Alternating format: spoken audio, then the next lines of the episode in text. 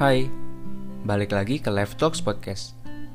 Pernah nggak kalian merasa capek banget karena selalu dipaksa mengalah, entah oleh keadaan atau oleh orang lain? Kayak ketika kita mau pergi main, tapi kita diminta untuk jagain adik kita oleh orang tua.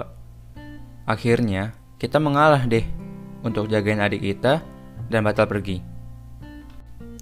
Atau ketika kita sedang ada masalah di kantor dan kita disalahin oleh bos kita.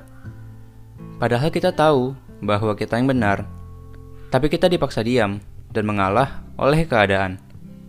Ya karena semata-mata dia bos kita, dan kalau kita lawan, mungkin kita bisa dipecat.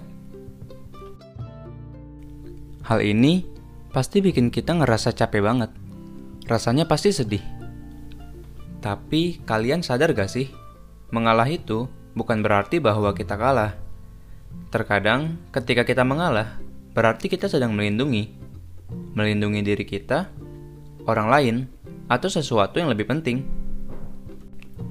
Seperti contoh tadi, ketika kita mengalah untuk akhirnya menjaga adik kita, mungkin kita sedang melindungi waktu orang tua kita agar mereka bisa fokus bekerja.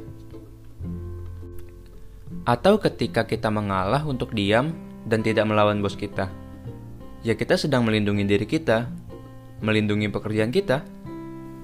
Emang sih, mungkin terasa nggak benar, nggak enak, capek.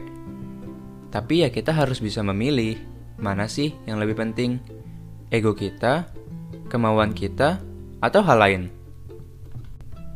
Gua bukan bilang bahwa mengalah itu selalu tepat, atau menyuruh kita untuk selalu mengalah.